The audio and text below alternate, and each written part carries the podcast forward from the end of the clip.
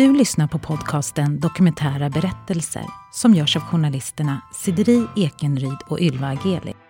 Är du nyfiken på hela den nya säsongen av Dokumentära berättelser?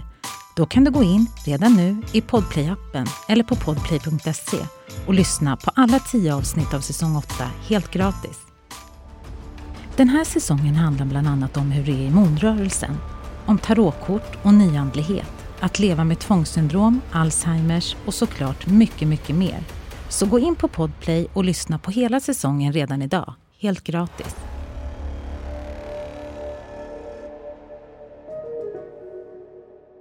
Jag skulle egentligen stanna där i tre år men efter ett år så hade jag sista månaden haft tre överdoser. Och den sista hade jag fått två eh, strokes. Eh, jag vaknade liksom eh, utan någon känsel i hela vänstra benet så jag fick ha kryckor i flera veckor efteråt. Att köpa narkotika har blivit allt enklare. Via chattappar, sociala medier och sajter på Darknet kan köpare idag komma i kontakt med säljare lättare än någonsin. Mellan 3 till 14 procent av all droghandel i Sverige sker just på internet. Det visar en rapport från Brottsförebyggande rådet från september 2021. Var vi ett tag eh, nära att eh, prostituera mig själv för att jag visste att det var ett sätt att få snabba pengar och jag var lite i de cirklarna. Därför ska det här avsnittet och nästa handla om Samuel och hur han hamnade i ett heroinmissbruk redan som 22-åring. Om att börja med smärtstillande Citodon mot migrän som eskalerar till droghandel via Darknet och den långa kampen för att bli drogfri. Det var som att jag visste att jag skulle dö av det här men jag kände liksom att eh, det kanske var det bästa liksom. Vi pratar också med Agne Brand, psykolog och traumaterapeut som senare kommit att behandla Samuel på Mallorca. And the brain is very, uh, it, it cannot, a brain cannot see the difference between the uh, emotional pain or, or physical pain.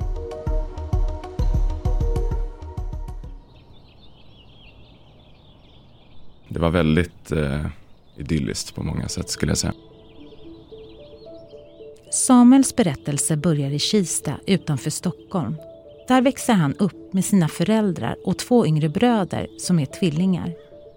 Mitt bland höghusen bor de i ett K-märkt hus med stor trädgård med både körsbärsträd och äppelträd. Och eh, gick i musikklasser i Sollentuna. Eh, men så bestämde de sig för att riva ner huset en dag för att de skulle bygga stora lägenhetskomplex eh, eh där. Men mamma var väldigt, eh, Eh, de erbjöd oss eh, liksom lägenhet i Rinkeby och Akalla. Men mamma stod på sig och, och tackade nej flera, flera gånger. Jag tror jag fick över hundra erbjudanden till andra ställen att bo på.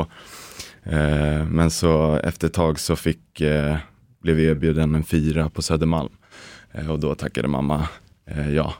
Så att hela den här processen drogs ut på i flera år. Så att vi flyttade sen när jag gick i femman. Så då började jag pendla till Sollentuna varje, varje dag. Hans båda föräldrar är troende kristna och hela familjen har starka band mellan varandra. De reser mycket till Italien, Spanien och Grekland. Om de bråkar försöker de bli sams fort för att sätta relationerna först. Men så en dag när Samuel är 13 år gammal sitter han i köket med sina föräldrar och äter middag när hans pappa får, vad det verkar som, ett epileptiskt anfall. Mamma trodde först att han skämtade liksom för att han kastade hela skålen med spaghetti liksom och började ramla ihop och tugga fragda och ögonen rullade liksom. Fattade ingenting vad som, vad som hände och så fick jag eh, ringa ambulansen. Brorsorna var på fotbollsträning så de var inte hemma då. Eh, och eh, så gjorde de en röntgen och såg att den här tumören täckte en tredjedel av hans eh, hjärna och eh, läkaren hade aldrig sett en så stor tumör i hans eh, professionella liv. Eh, det, på ett sätt förklarade det ganska mycket för att pappa hade varit väldigt frånvarande på många sätt under min eh, barndom för att han hade ofta huvudvärk och kunde ganska lätt bli irriterad om man gjorde för höga ljud. Eller, så att han kunde ofta ligga inne på rummet liksom och vara arbetslös en längre tid också. Hans pappa får strålbehandling och genomgår operation. Men hela tumören går inte att få bort. Han kunde få de här EP-anfallen på natten. Så mamma väckte ofta mig. Hon ville nog skydda mina bröder också. Så, att, så att, eh, det var ofta jag och hon som fick eh, eh, hjälpa och ringa ambulansen. Och eh, kunde ibland vara hemma själv eh, när han fick de här. Så att det var väldigt traumatiskt att, att se. Eh, och eh, jag tror att läkaren sa att, att han skulle leva ett år till. Men, men han levde, vi fick honom i två år. Sen gick han bort precis eh, innan jag skulle gå ut nian.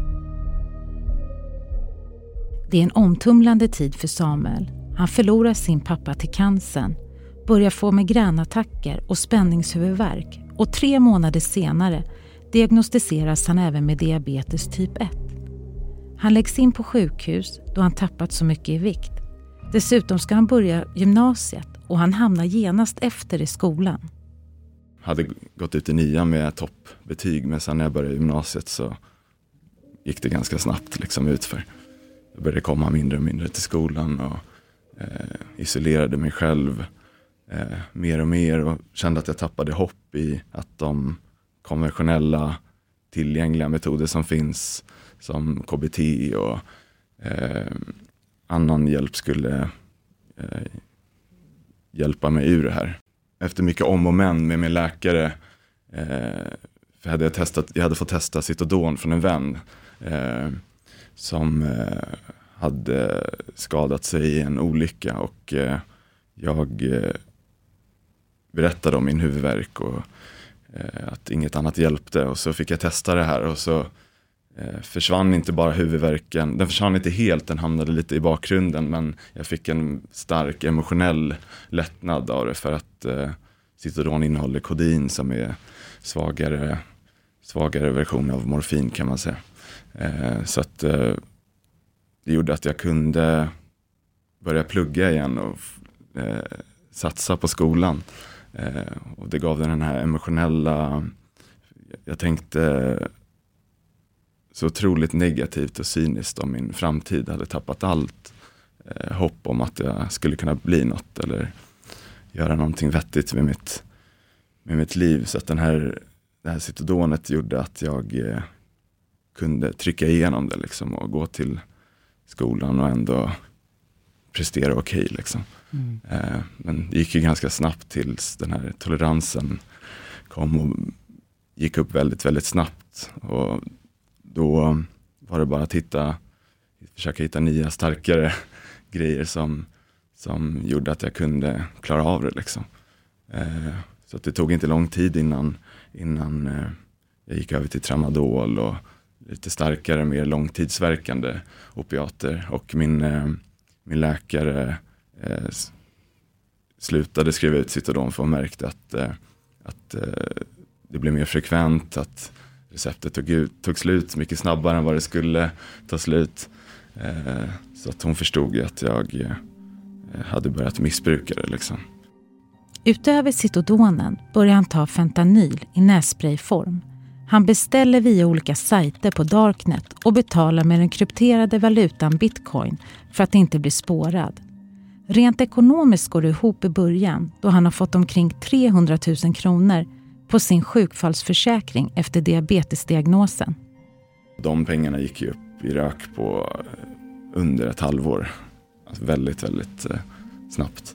Så då fick jag hitta sätt att, att uh, försöka finansiera mitt missbruk och få det att gå runt. Liksom. Så då började jag beställa stora, stora mängder tramadol och valium från en kille i Thailand. uh, och um, sålde det här liksom på gatan. Uh, för att tjäna pengar. Och ju mer jag tjänade desto mer använde jag bara egentligen till, till mitt missbruk. Eh, var det svårt att hitta kunder? Det var verkligen inte eh, svårt. Det var lätt. Det, för det fanns sådana här, eh, det fanns um, grupper på Facebook. Uh, som ofta togs ner snabbt av polisen. Eh, där folk gav sina eh, Vicker-konton. Vicker är en app där du kan kryptera dina meddelanden. De försvinner automatiskt efter några minuter. Eh, så att jag fick ett helt eh, klientell från den sidan. Liksom. Eh, och hamnade ofta i situationer där de ville råna mig eller ta mina pengar. Och, eh, så man fick vara försiktig med vilka man träffade. Liksom. Men man kunde inte alltid, alltid veta. Det var en gång en kille som jag träffade vid eh, i Skanstull som eh, berättade för mig att han, han, var märkbart påverkad av amfetamin och kokain. Eh, och, eh, vi hade gått runt, gått runt hörnet där vid Friskis och Svettis i Skanstull när han skulle betala mig.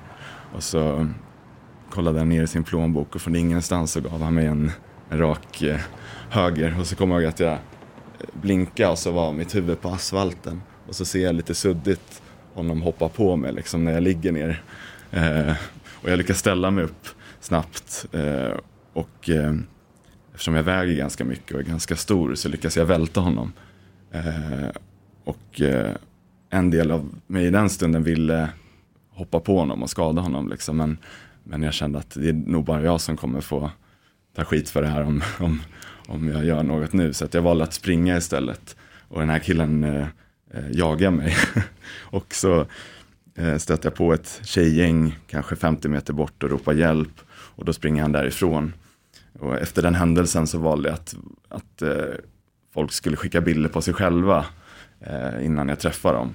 Eh, så tre dagar senare så eh, var det en tjej jag skulle träffa som hade skickat en bild på sig själv. Och jag kände att eh, det här känns lugnt liksom. Och så visade det sig vara hans eh, flickvän. och då kommer han där bak, bakom Eh, och försöka hoppa på mig igen. Den här gången hade jag kommit förberedd och tagit eh, eh, jag bodde hemma då, hade tagit mammas stora kökskniv ifall jag behövde försvara mig liksom. Och drog den och då blev de så rädda att de gick därifrån. Eh, men jag, hade, jag fick reda på sen att den här killen var en boxare så att eh, det var, jag hade ingen chans liksom. I, och hade han tagit kniven så hade det varit kört liksom. Uh, for 2021. Vi pratar med Agne Brand, psykolog och traumaterapeut som senare kommit att behandla Samuel hon berättar att det är omkring 36 miljoner människor världen över som är i ett drogmissbruk. So there is some 275 million people worldwide they used drugs in past year and uh, 36 million they are suffered from the drug use disorder.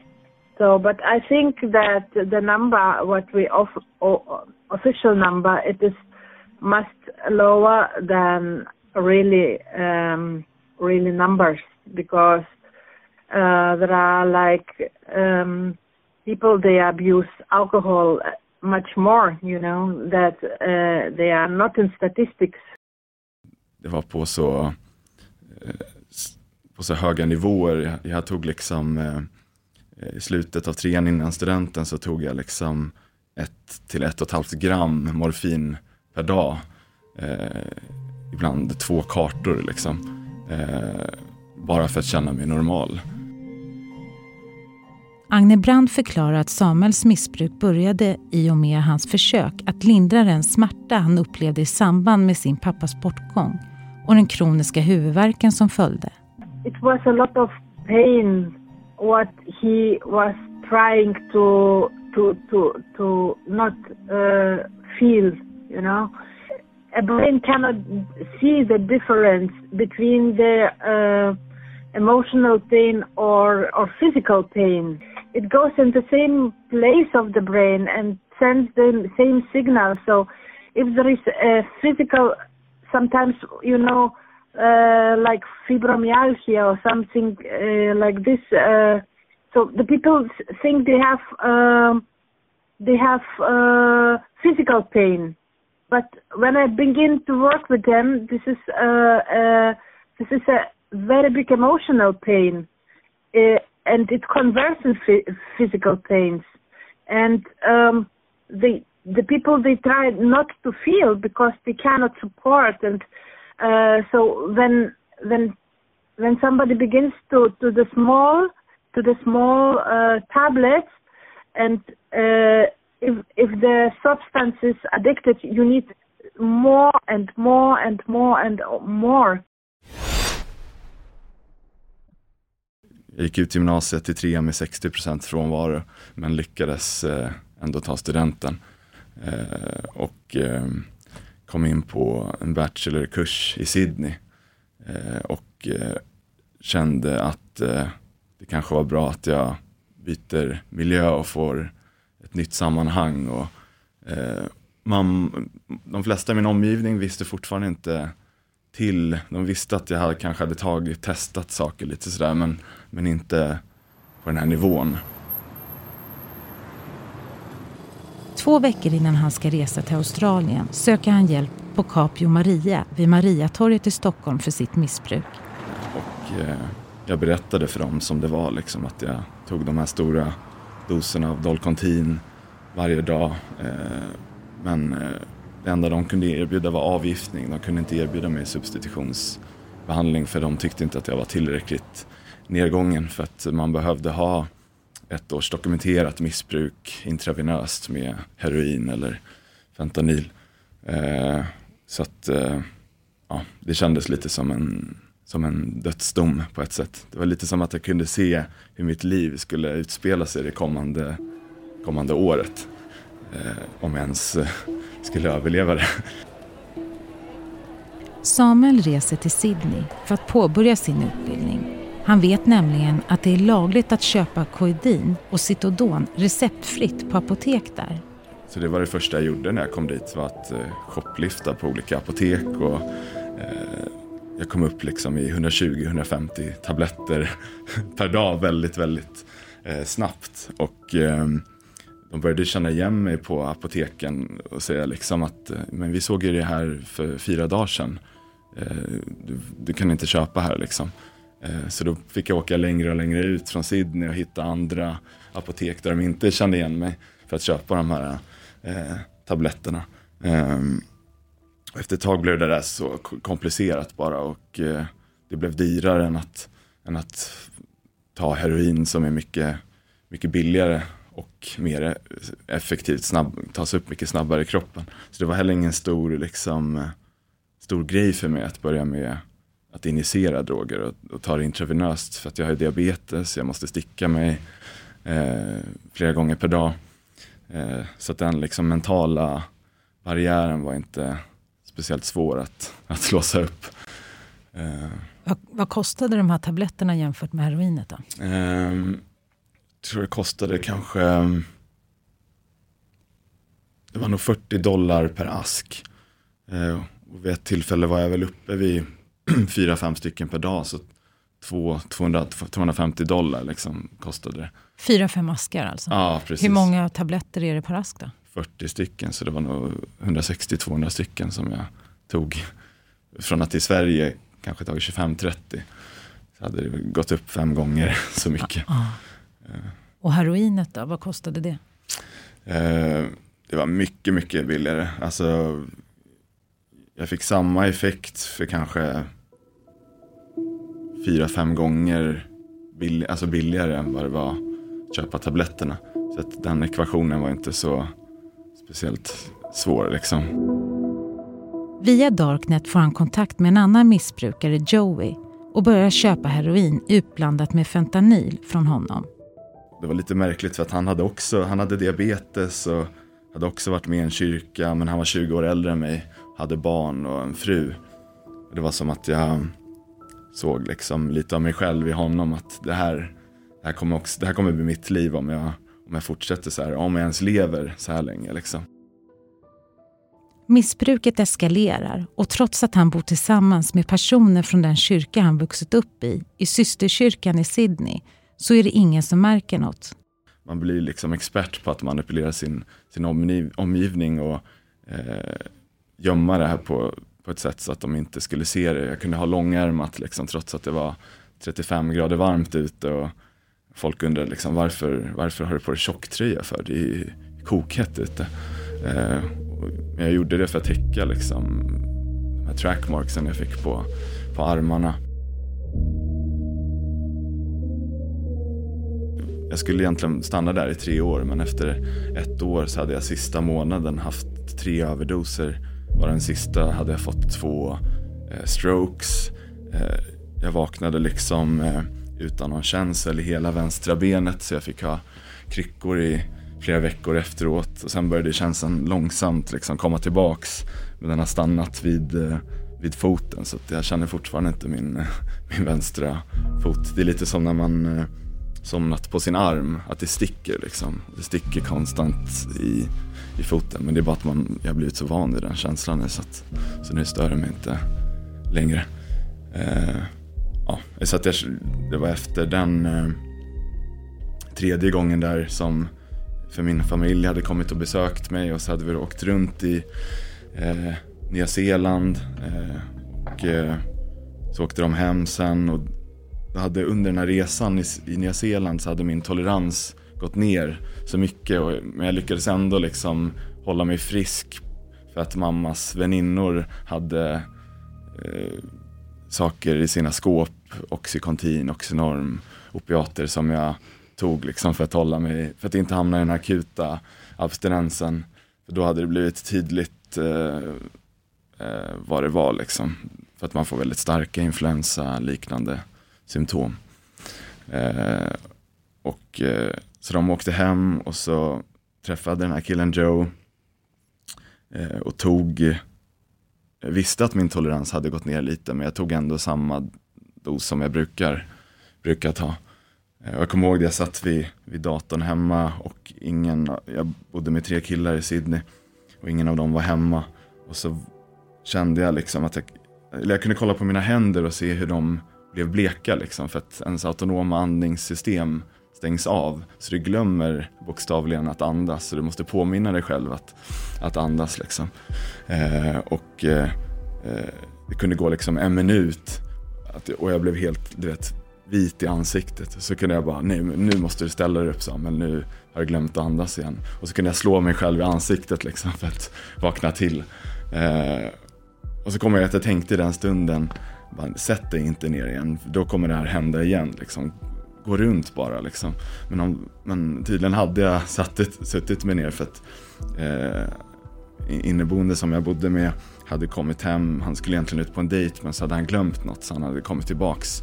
Så hade han hittat mig avtuppad och då var jag helt lila och, och låg liksom på, på tangentbordet helt eh, eh avtuppad och han fick ringa eh, ambulansen. Eh, men även här såg inte han något för att jag hade gömt mina verktyg under tangentbordet. Eh, så att när jag kom tillbaka sen från, från sjukhuset och de undrade vad som hade hänt så sa jag bara att det var en diabeteskoma som jag hade hamnat i. Eh, och de köpte ju det liksom för att jag kunde alltid skylla på huvudvärken eller min diabetes. Jag tror inte de ens kunde föreställa sig att jag höll på med det här. Liksom. Om den här killen inte hade kommit hem, vad hade eh, hänt med dig då? Då hade, jag, då hade jag varit död idag. Då hade jag inte levt. Vad tänker du kring det? Alltså jag, var så, jag var så otroligt eh, deprimerad liksom, vid den här tidpunkten. att eh, Det var som att jag levde mitt liv liksom, dag för dag. Struntade egentligen vad ifall mina, min familj eller vänner blev ledsna liksom över, över vad som skulle kunna hända. Eh, så det var som att, eh, jag vet inte, det var som att jag visste att jag skulle dö av det här men jag kände liksom att eh, det kanske var det bästa liksom. Och det var verkligen att jag levde dag för dag. Behövde hitta nya pengar. Jag var aldrig någon som kände att jag ville skada andra eller råna folk för att eh, få tag på pengar. Men eh, så det gjorde jag aldrig. Så jag hittade alltid andra sätt att, att få det att gå runt genom att köpa in större mängder, sälja. Var vi ett tag eh, nära att eh, prostituera mig själv för att jag visste att det var ett sätt att få snabba pengar. Och jag var lite i de cirklarna. Hade två tjejkompisar som också var missbrukare som sålde sex flera gånger per dag. Eh, och eh, så det kändes som en som en eh, möjlig liksom eh, möjligt och, och effektivt sätt att få pengar på liksom. Men eh, som tur väl så tillät jag mig aldrig att, att gå den, den vägen. Den sista överdosen får ändå Samuel att inse att han måste göra något åt missbruket. Han bokar en flygresa hem till Sverige och söker på nytt behandling hos Capio Maria, numera Prima. Denna gång har han sitt missbruk dokumenterat och han blir erbjuden substitutionsbehandling med Subotex. Det innebär att man ersätter droger, i Samuels fall opioider, med ett läkemedel som är betydligt mindre beroendeframkallande och med mindre biverkningar. Det var några månaders kö eh, där ett läkemedelsteam ska kolla igenom ens fall och se fortfarande, så det var fortfarande en lång process liksom. Eh, så under den perioden så jag hade bestämt mig att jag ville bli ren liksom. Eh, så att jag köpte folks utspottade tabletter varje morgon eh, från folk som inte ville ta medicinen och köpa heroin istället. Eh, och eh, ställde mig där varje morgon liksom och eh, betalade för det här och kunde bli tagen också flera gånger av civilpoliser som, som rör sig där i områdena. Eh, och ja, efter ett par månader så, så kom jag in i behandlingen vilket var livsförändrande för att eh, eh, Subutex eller Buprenorfin eh, tar bort eh, stora delar av suget som man känner efter opiater. Men sen får du hjälp alltså? Ja, eh, i början så behövde jag gå nästan varje dag och lämna urinprov. Eh, vilket inte var helt lätt. För att det är alltid någon som ska stå där och kolla på liksom, när du kissar. Eh, och eh, jag förstår att de, att de behöver göra så för det är så många som fuskar. Och, eh, men de såg ganska snabbt att jag ville bli ren och sluta. Liksom. Så att jag kunde bygga upp det här förtroendet och kunde, behövde gå mer sällan och sällan. En gång i veckan, en gång i månaden. Lämna de här urinproven. Eh, vilket var skönt för att jag hade börjat plugga på Hyper Highland istället. Eh, och eh, behövde ibland gå vid luncherna liksom. Så det var skönt att det blev mindre och mindre frekvent. Eh, för det var inget som jag kände att jag ville berätta för klasskompisar. Liksom, att jag, jag sa bara att jag träffade läkaren. Liksom. Samuel är inte mentalt redo att trappa ner helt på Subotex utan ingår i en LARO-behandling. Det står för läkemedelsassisterad behandling vid opioidberoende. Eh, och länge tänkte jag att jag skulle fortsätta med den här behandlingen resten av mitt liv. Det var så jag eh, såg det liksom att jag kommer, det här kommer inte, jag kommer aldrig kunna trappa ut den här medicinen utan jag kommer behöva ta den liksom. Lite som man går på en antidepressiv eller eh, som jag tar mitt insulin resten av mitt liv. Genom arbetet med det här avsnittet blir vi intresserade av just LARO-behandling läkemedlet Subotex och missbrukarvården i allmänhet och söker därför Samuels läkare på Prima. Under hösten 2021 ringer vi mottagningen och skickar flera mejl med frågan om medverkan i vår podd men får tyvärr inget svar. Men jag kände i och med att jag började kunna ta mig upp på fötterna igen, fick lägenhet, flyttade hemifrån, eh, fick jobb Eh, och började komma tillbaks eh, från att ha varit väldigt isolerad till ett mer socialt, normalt liv. Eh, så kände jag att eh, biverkningarna från medicinen började väga ut. Så de negativa konsekvenserna av medicinen tog ut de positiva. Eh, för man blir väldigt hård i magen, tar bort sexlusten nästan helt, gör mig väldigt trött.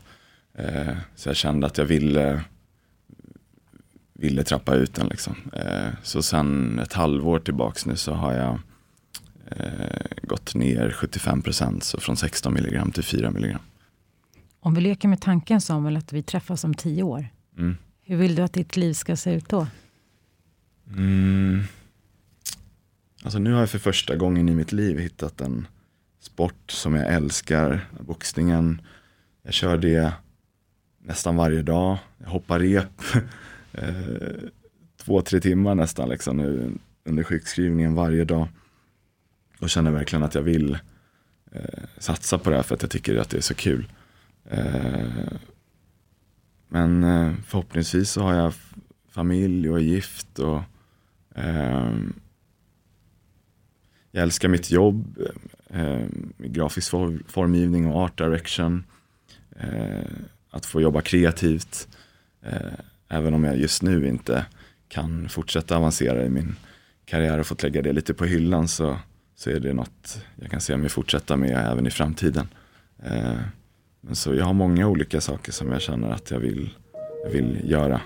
Och jag känner mig väldigt eh, optimistisk inför, inför framtiden. Att jag kommer klara av den här sista, sista biten. Eh, och jag har så många fantastiska vänner som är jättestöttande och eh, det har gjort att jag inte känt mig så ensam i det här heller. När vi gör den här intervjun med Samuel går han alltså fortfarande på substitutionsbehandling men är fast besluten att trappa ut Subotex helt. Kommer han att lyckas? Jag pratade med min läkare och han sa det att eh, under hans 20 år som beroendeläkare så har 10 personer trappat ut. Av de 10 har 5 gått tillbaks till en lägre dos av medicinen för att de här personerna har organiserade liv, de har familj, men de kände inte att de klarade av det liksom rent mentalt utan, utan eh, medicinen. Så det är en väldigt, väldigt potent, potent och stark eh, medicin. I nästa avsnitt. Så där, nu kommer jag från min andra intravenösa ketaminsession. Eh, och det var helt otroligt. Ett par månader efter vår intervju med Samuel blir han erbjuden en ny behandlingsform på Mallorca där man kombinerar psykoterapi och ketamin under två veckors tid. Hör hans dagbok från behandlingen.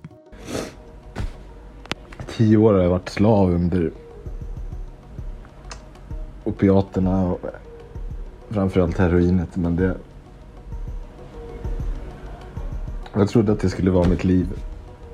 Att jag skulle gå med det i graven och aldrig kunna ta mig ur det. Och så pratar vi med hans behandlare, Agne Brandt, psykolog och traumaterapeut, om hur terapin går till. The ketamine we use normally for the big depressions but as well to addictions.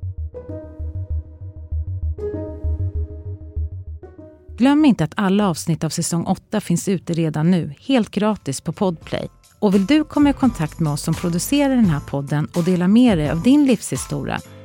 Mejla oss då på kunskapsstudion gmail.com.